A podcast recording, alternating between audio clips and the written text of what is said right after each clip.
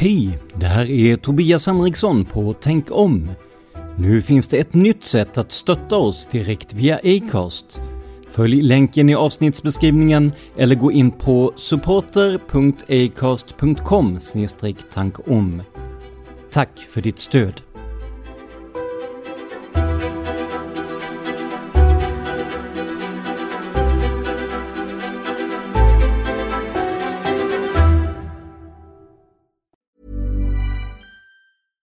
Catch yourself eating the same flavorless dinner three days in a row?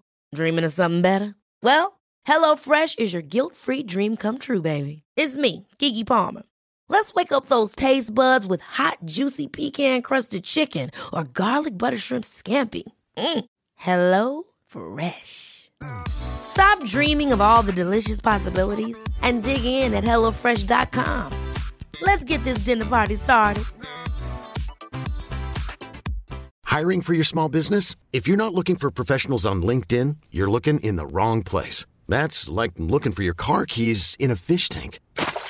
LinkedIn helps you hire professionals you can't find anywhere else, even those who aren't actively searching for a new job but might be open to the perfect role. In a given month, over 70% of LinkedIn users don't even visit other leading job sites. So start looking in the right place. With LinkedIn, you can hire professionals like a professional. Post your free job on linkedin.com slash achieve today. Hey, it's Ryan Reynolds, and I'm here with Keith, co-star of my upcoming film, If, only in theaters May 17th. Do you want to tell people the big news? All right, I'll do it. Sign up now and you'll get unlimited for $15 a month in six months of Paramount Plus Essential Plan on us. Mintmobile.com slash switch. Upfront payment of $45 equivalent to $15 per month. Unlimited over 40 gigabytes per month. Face lower speeds. Videos at 480p. Active Mint customers by 531.24 get six months of Paramount Plus Essential Plan. Auto renews after six months. Offer ends May 31st, 2024. Separate Paramount Plus registration required. Terms and conditions apply if rated PG.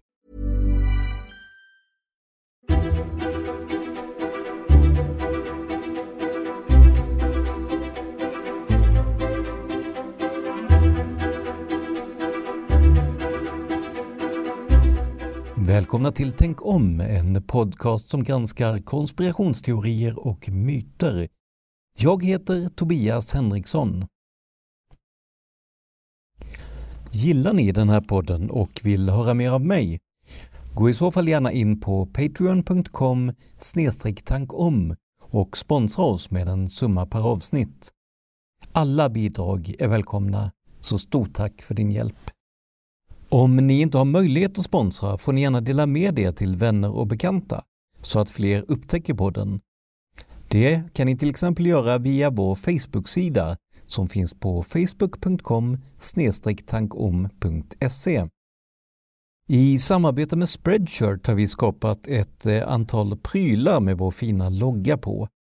Dessa kommer att lottas ut i tävlingar framöver, men kan även köpas på shop.spreadshirt.se tankom. Jag har valt att ta ut en ytterst liten provision på dessa för att hålla priserna nere. Men allt som trycks på beställning blir ändå lite dyrare än om man köper upp ett större lager av sakerna. Logotypen är skapad av Josefin Måhlén på Måhlén Media samma Josefin som hördes i Midsommarspecialen. Och vi ska bara tillägga att när det spelas in så är jag på resande fot uppe i Stockholm. Så om ljudet är lite annorlunda än vad det brukar vara så hoppas jag att ni har överseende med det. Nu sätter vi igång med dagens avsnitt. Det ni hörde nu var lite av den rapportering som kom efter mordet på Olof Palme den 28 februari 1986. Och det här ljudklippet är också intro till just podden Palmemordet som jag gör tillsammans med Dan Hörning. Om ni är intresserade av att veta mer om det mordet, sök på Palmemordet i er poddapp. För idag ska vi ge oss på en teori om Palmemordet som faktiskt väckt en hel del uppmärksamhet, trots att den är helt fantastisk och det inte går att hitta stöd för den i kända fakta. Vi väljer att ta med den här, för det är en väldigt bra historia och det anknyter också lite till förra veckans avsnitt om vad som händer när en konspirationsteori får ett större genomslag trots att den kanske inte är så underbyggd. För tänk om Olof Palme inte alls dog på Sveavägen den där kalla kvällen i februari. Kan det hela ha varit ett fejkat mord för att Palme skulle kunna fly undan en pressad situation? Eller rent av en skamlig sjukdom? Det här låter ganska märkligt inte sant? Men trots detta är det en teori som väcker mer och mer uppmärksamhet på internet. Främst genom författaren Claes Hedberg som skrivit en bok i ämnet. Jag jobbar som sagt med podden Palmemordet och där brukar vi grotta ner oss i smådetaljer och spår på en nivå som är ganska ja, nördig. Men jag ska försöka att göra historien begriplig även för de av er lyssnare som inte har 100% koll på alla turerna. Vi börjar med att konstatera att Palme inte lämnade någon oberörd. Antingen älskade man honom eller hatade man honom. I samband med bland annat ubåtsincidenterna på 80-talet anklagades till och med statsministern för att inte ta hotet på allvar och bland andra kommendörkapten Hans von Hofsten menade att Palme var ett hot mot landet och anklagade honom i stort sett för att vara en landsförrädare. Å andra sidan var Palme mycket uppskattad för sitt engagemang för tredje världen och sitt sociala patos. Det gjorde heller inget att han i skarpa ordalag vågade uttrycka sin åsikt kring världens många orättvisor. 1985 och 1986 hade en ny strid blossat upp. Olof Palme läxades upp av Skatteverket efter att inte ha redovisat att hans son Joakim erbjudits en plats på det anrika Harvard University. Skatteverket menade att platsen var en slags ersättning för att Olof hållit en föreläsning där tidigare, medan Olof själv hävdar att det inte fanns något samband. Samma dag som Olof Palme mördades försvann filerna med statsministerns överklagande i ärendet från skattemyndigheterna. På kvällen den 28 februari hade Olof och Lisbeth Palme varit på bio tillsammans med sonen Mårten och hans dåvarande flickvän. Enligt Lisbeth kände sig Olof stel efter föreställningen och ville promenera hem istället för att ta tunnelbanan. Efter att ha skilts från Mårten och hans sällskap promenerade man Sveavägen ner. Vad som sedan hände är till viss del omtvistat och olika vittnen säger olika saker. Men strax innan korsningen med Tunnelgatan, som senare fick namnet Olof Palmes gata, skjuter någon Olof Palme med ett skott i ryggen. Ett andra skott sägs ha snuddat vid Lisbets rygg, men utan att ge några större skador. Ambulans tillkallades av vittnen och Olof fördes till sjukhus, men hans liv gick inte att rädda. En av världens idag största utredningar tog sin början och trots över 30 års spaningsarbete är mordet fortfarande olöst. Det har funnits många misstänkta, både enskilda personer och organisationer. Men ingen har kunnat fällas till ansvar för mordet. Bara en person har dessutom prövats i domstol, nämligen Christer Pettersson. Han fälldes i tingsrätten, men friades senare i hovrätten. Så här långt är historien ganska enkel att följa i stora drag. Men det är nu det blir komplicerat i alla fall för oss som gillar att ha fakta att luta oss emot. För enligt bland andra Claes Hedberg dog alltså inte Palme. Det var en skådespelare som blev skjuten och Palme kunde sedan försvinna in i glömskan. Men vad skulle anledningen till detta ha varit? Enligt Hedberg själv finns det många anledningar Bland annat att Olof Palme skulle ha en skamlig sjukdom som till exempel aids.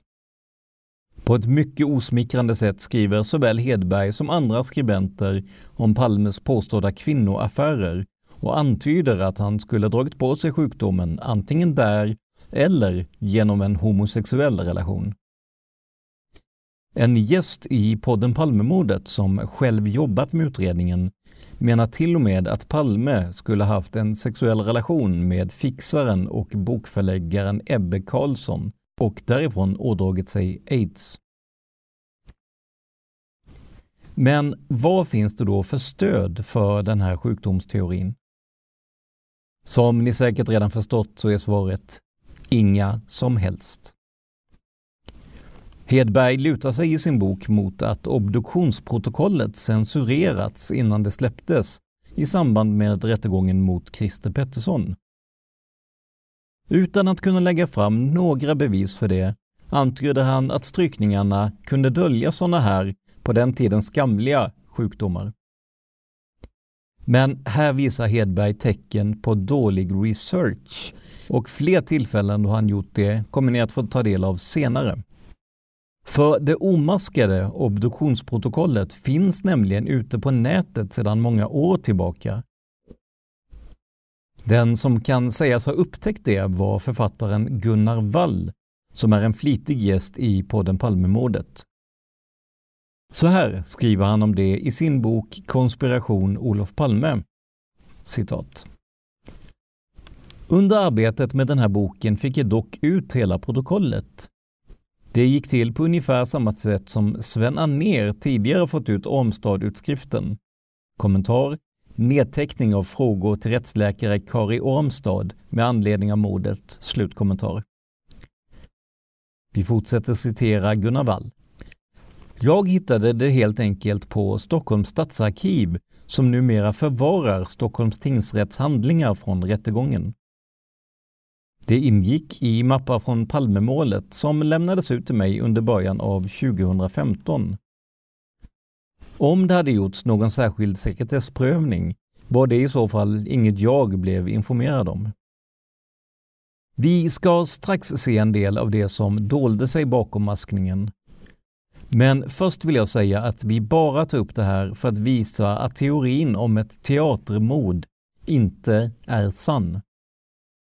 Vi har den största respekt för anhöriga till offret och till de personer som på olika sätt stod Olof Palme nära.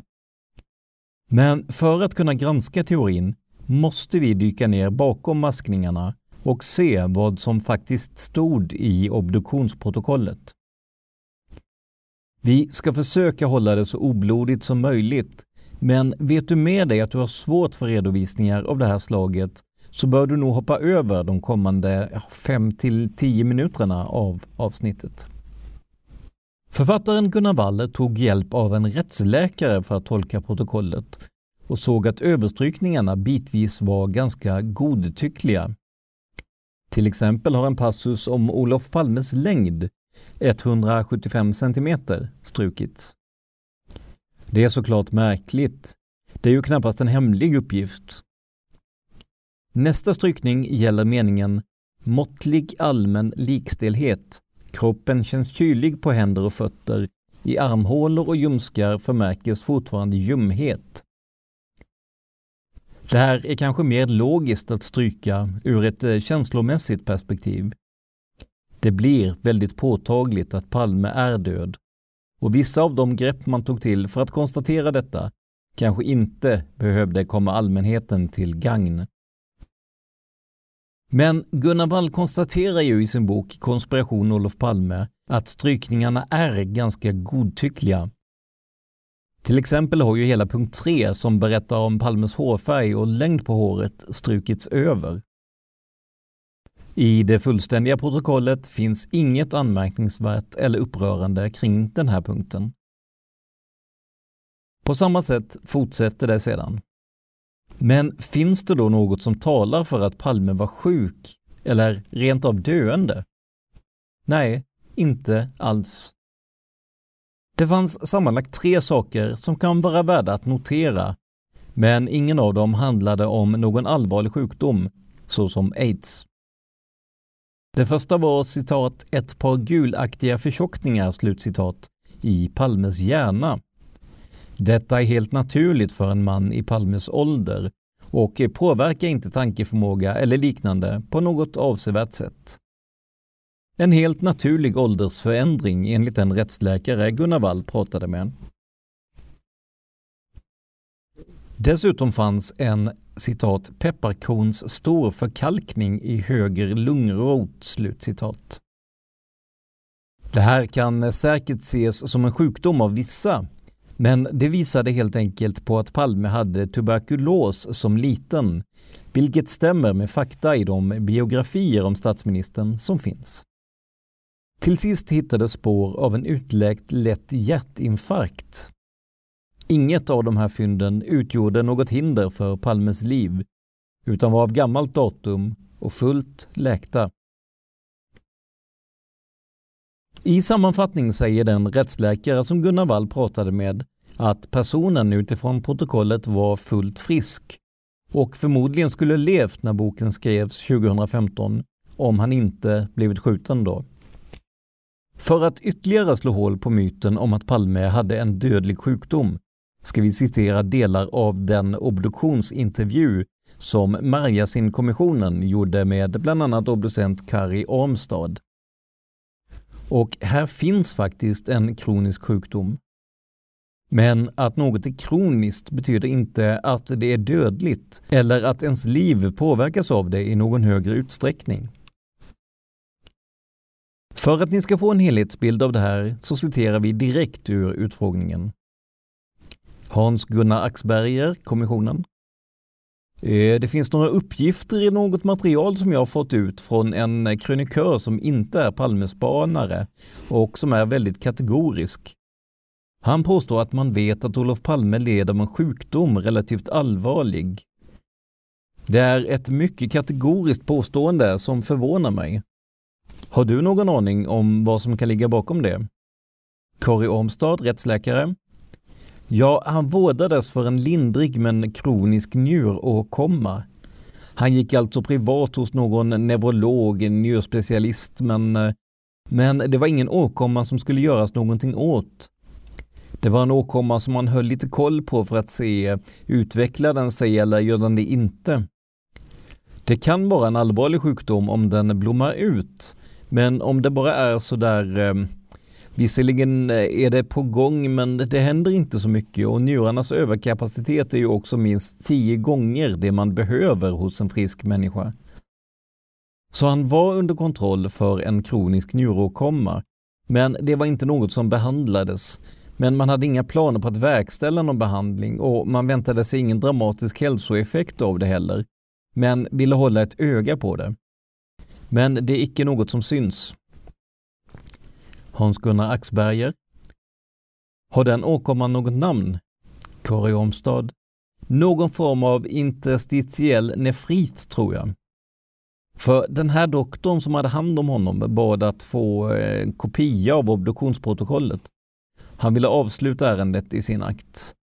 Det fick han inte, utan vi gav en kopia av njöbeskrivningen och njurmikrot och tyckte att det var det han hade bruk för och inget annat.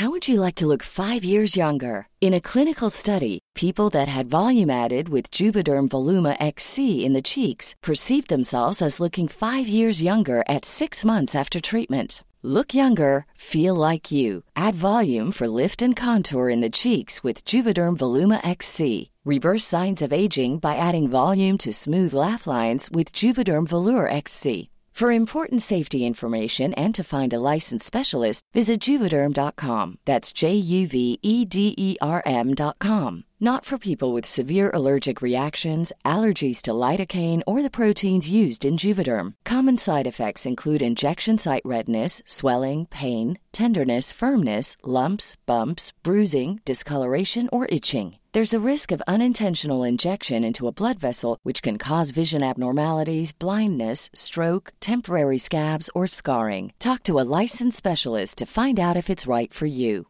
Hey, it's Ryan Reynolds, and I'm here with Keith, co star of my upcoming film, If, only in theaters, May 17th. Do you want to tell people the big news? All right, I'll do it. Sign up now and you'll get unlimited for $15 a month in six months of Paramount Plus Essential Plan on us. Mintmobile.com slash switch. Upfront payment of $45 equivalent to $15 per month. Unlimited over 40 gigabytes per month. Face lower speeds. Videos at 480p. Active Mint customers by 531.24 get six months of Paramount Plus Essential Plan. Auto renews after six months. Offer ends May 31st, 2024. Separate Paramount Plus registration required. Terms and conditions apply if rated PG. Hey, Dave. Yeah, Randy. Since we founded Bombus, we've always said our socks, underwear, and t shirts are super soft. Any new ideas? Maybe sublimely soft. Or disgustingly cozy? Wait, what? I got it. Bombus. Absurdly comfortable essentials for yourself And for those facing homelessness. because one purchased equals one donated. Wow, did we just write an ad? Yes. Bombas. Big comfort for everyone. Go to bombas.com slash ACAST and use code ACAST for 20% off your first purchase. Tora Holst, kommissionen, och det syntes inte på njurarna alls. Kari Omstad Nej, du vet njurarna hos en man i hans ålder ser inte ut som hos en 20-åring.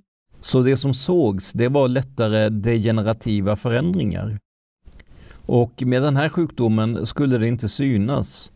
Det är väldigt många sjukdomar som har sina symptom och har sitt förlopp, eller kanske till och med medför funktionskonsekvenser, men som inte syns i mikroskopet.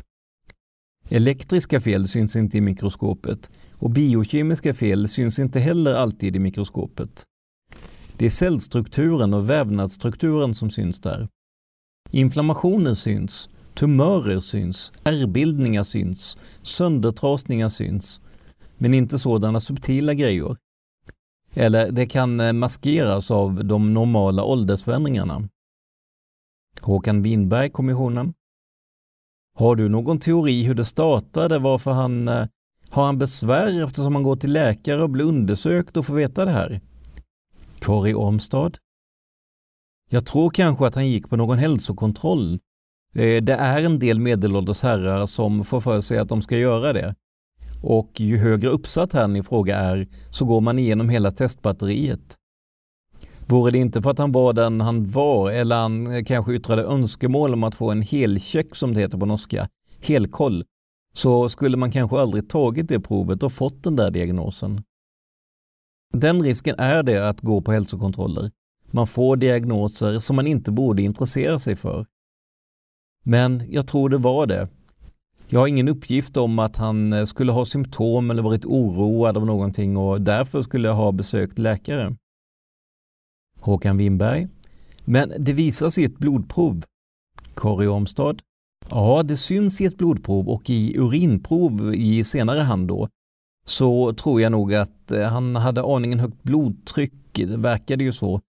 När man såg honom i talarstolen, hans sätt att röra sig, hans väsen samt detta lätt förstorade hjärta med hög vänsterkammardominans. Så eh, det stämmer. Hans Ölvebro, spaningsledare. Eh, den här läkaren, jobbade han på Roslagstull? Kari Omstad? Det gjorde han nog. Ölvebro?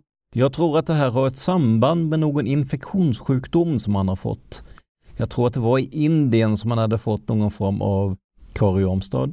Det kan hända att det har varit början på det. Hans Ölvebro. Inte malaria, men någonting Kari Omstad. Parasitgrej, ja. Hans Ölvebro. Någon parasit, ja, som han hade fått i sig och gick på behandling för. Ingenting som han led av, men eh, behövde undersökning. Kari Ormstad. Det kan också vara början till att han fick diagnosen då, att han gick på kontroll. Det behöver inte ha varit på hälsokontroll. Hans Ölvebro. Det var inte den sista Indienresan i januari då, utan det här är tidigare. Jag tror till och med att han låg intagen på Roslagstull under en period, men eh, det ligger ju flera år tillbaka, före 1986. Kari Ormstad. Det känner jag inte till. Hans Ölvebro. Jag kan inte svara på det, men det ligger liksom inte där i tiden, för det är ju där vi har koncentrerat oss, utan bara konstaterat då att han, Kari Ormstad, det är en låggradig kronisk neurokomma som inte påverkade hans liv och funktion. Kari Ormstad säger också att de fynd som uppkommit vid obduktionen kan påträffas på i stort sett alla män över 50, om man undantar skottet såklart. Så där har vi slutsatsen från en av dem som var med vid obduktionen. Palme hade visserligen en kronisk njursjukdom, men det var alltså inget som påverkade hans citat liv och funktion, slutcitat, som Kari Ormstad uttrycker det. Och i övrigt hade han en fullt normal kropp, både vid yttre och inre besiktning. Innan vi går vidare ska vi också titta på en teori som kallas Lisbeth-bilden. Det handlar om en bild som togs på en kvinna som troddes vara Lisbeth Palme utanför Sabbatsbergs sjukhus sent på mordnatten. Den kända teorin är att Lisbeth följde med ambulansen, så hur kunde hon då mycket senare stiga ur en polisbil på samma plats? Hedberg med flera menar att detta talar för att det var en skådespelare som följde med ambulansen och inte den riktiga fru Palme. Och nu börjar det brännas va? Nej, inte riktigt. För alla seriösa granskare av Palmemordet är överens om att det inte är Lisbeth som syns på bilden. Det mest troliga är istället att det är Mårten Palmes dåvarande flickvän Ingrid, även om det finns andra teorier. Lisbeth Palme var alltså, precis som såväl hon som vittnen sagt, inne hos sin make på sjukhuset när den här bilden togs. Men utöver alla de här kalla fakta som presenteras i avsnittet så finns det ju något som för mig utesluter att det skulle vara ett teatermord. Och det är alla de vittnen och förbipasserande som såg mordet. Många av dem såg dessutom att det var just Olof Palme inte minst Anna och Stefan, som var först framme och gjorde livräddande insatser. Utöver vittnena skulle en konspiration av det här slaget behöva innefatta flera hundra personer, inte minst poliser, sjukvårdare och obducenter. Ändå har inget kommit fram som konkret tyder på att en sådan konspiration förekommit. Men hur kommer det sig då att man tar fram och presenterar en sån här teori. En psykologisk förklaring kan vara att man försöker skapa ett sammanhang i det faktum att Sveriges statsminister sköts ihjäl på öppen gata. Man försöker hitta ett mönster, en förklaring. Men problemet blir ju när man inte kan underbygga teorin med några konkreta bevis. Och just det problemet stöter vi på här. Jag har läst Hedbergs bok två gånger. En gång i researchen för podden Palmemordet och en gång inför det här avsnittet. Då har jag också kollat vilka av hans påståenden som går att styrka i andra källor samt varifrån han har fått sin information. Och en sak kan vi konstatera från början. Claes Hedberg citerar nästan uteslutande källor som ligger hans egen teori nära. Det är som att han har en teori och sedan försöker hitta delar som styrker den istället för att göra tvärtom och jobba förutsättningslöst. För tro det eller ej, den här teorin hade en viss spridning redan innan Hedbergs bok. Boken som för övrigt heter En oväntad vändning. Dessutom utlovar författaren en storslagen och spännande lösning på mordet ett ord som man konsekvent sätter inom citationstecken. Och det är såklart inte förbjudet, men det får en ironisk klang när två huvudpelare i boken så snabbt går att motbevisa. Det vill säga bilden på Lisbeth och det dolda obduktionsprotokollet. Jag bestämde mig för att läsa boken med rödpennan i handen. Som exempel hittade jag på bokens första 150 sidor över 30 felaktigheter. Till dessa räknas sakfel, ej angivande av källa, saknade bevis för påståenden och mycket mer. Det är såklart inget som skänker trovärdighetens prägel till boken. Om man jämför med podden Palmemordet som närmar sig 200 avsnitt så har vi haft max fem sakfel, som vi sedan rättat, på ungefär 120 timmars sändning. Och jag säger inte det här för att skryta, utan bara för att ni ska få ett hum om vad som är vanligt eller ovanligt i sammanhanget. Så vad kan vi då komma fram till när det gäller teorin om ett teatermord och Claes Hedbergs bok En oväntad vändning? Ja, att teorin om ett teatermord är så krossad den kan bli, det behöver jag väl knappast säga. Det finns inte ett uns av sanning i de teorier som han framför och vad som är än värre är att han skapar en väldigt obehaglig situation för de efterlevande. De måste nu inte bara leva med att Palme är död, utan även att han pekas ut som kvinnotjusare, homosexuell, bärare av aids och försvunnen istället för död. Som vi pratade om i förra avsnittet kan sådana här konspirationsteorier få konsekvenser för allmänheten. Och så har det blivit här. För även om jag och många andra intresserade gång på gång pekat ut alla felaktigheter och luckor i resonemanget så finns det fortfarande de som tror på teorin. Och ju fler som tror på den, desto fler är det som inte tar till sig de relativt få belagda fakta som vi har om mordet på Olof Palme. Det som jag inte fått svar på än är hur Hedberg undkommit en stämning för förtal av avliden. Fast det är klart, i Hedbergs värld dog Palme inte på Sveavägen. Men säg förtal då? För vad ska man egentligen få skriva om en person utan att det räknas som kränkande eller rent brottsligt? Om man nödvändigtvis ska läsa den här boken och jag rekommenderar det inte. Så läs den som en humorbok. Då är den inte så illa. Men om man tar den på allvar och granskar fakta, då blir den snabbt ett ganska löjeväckande verk. Nu är det dags att avrunda dagens avsnitt och det gör vi som vanligt med att fråga vad ni tycker om det här avsnittet. Gå in på facebook.com tankom.se eller sök på Tänk om i Facebook-appen och kommentera dagens avsnitt. Tror ni att Palme överlevde den 28 februari 1986? Eller tror ni att det föreligger tillräcklig fakta för att konstatera att han faktiskt dog? Gå gärna in och skriv av er. Ni kan också följa oss på Instagram där vi finns under företagsnamnet PRS Media. Ett ord, små bokstäver. Och som jag sagt innan, den här podden överlever med hjälp av reklamintäkter och donationer. Så om du har möjlighet får du gärna stötta podden via patreon.com tankom, alltså patreon.com tankom. Där kan du ge oss en summa som vi får per publicerat avsnitt. Om man hellre vill donera via Swish så går det också bra. Kontakta mig i så fall i ett privat meddelande på Facebook för att få numret.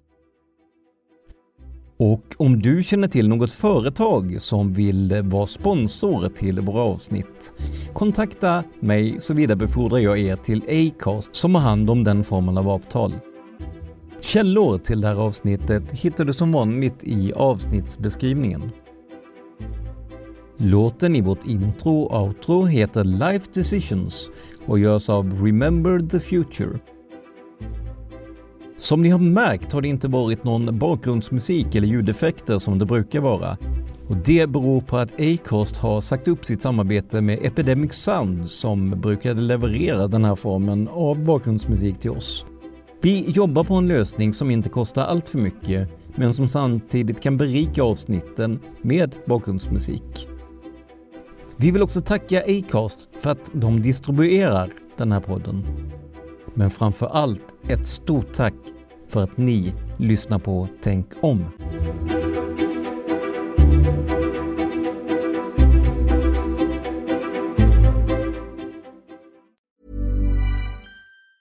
Ever catch yourself eating the same flavorless dinner three days in a row? Dreaming of something better? Well, HelloFresh is your guilt-free dream come true, baby. It's me, Gigi Palmer. Let's wake up those taste buds with hot, juicy pecan-crusted chicken or garlic butter shrimp scampi. Mm. Hello Fresh. Stop dreaming of all the delicious possibilities and dig in at HelloFresh.com. Let's get this dinner party started. when it comes to your finances, you think you've done it all. You've saved, you've researched, and you've invested all that you can. Now it's time to take those investments to the next level by using the brand behind every great investor, Yahoo Finance. As America's number one finance destination, Yahoo Finance has everything you need, whether you're a seasoned trader or just dipping your toes into the market. Join the millions of investors who trust Yahoo Finance to guide them on their financial journey. For comprehensive financial news and analysis, visit yahoofinance.com, the number one financial destination, yahoofinance.com.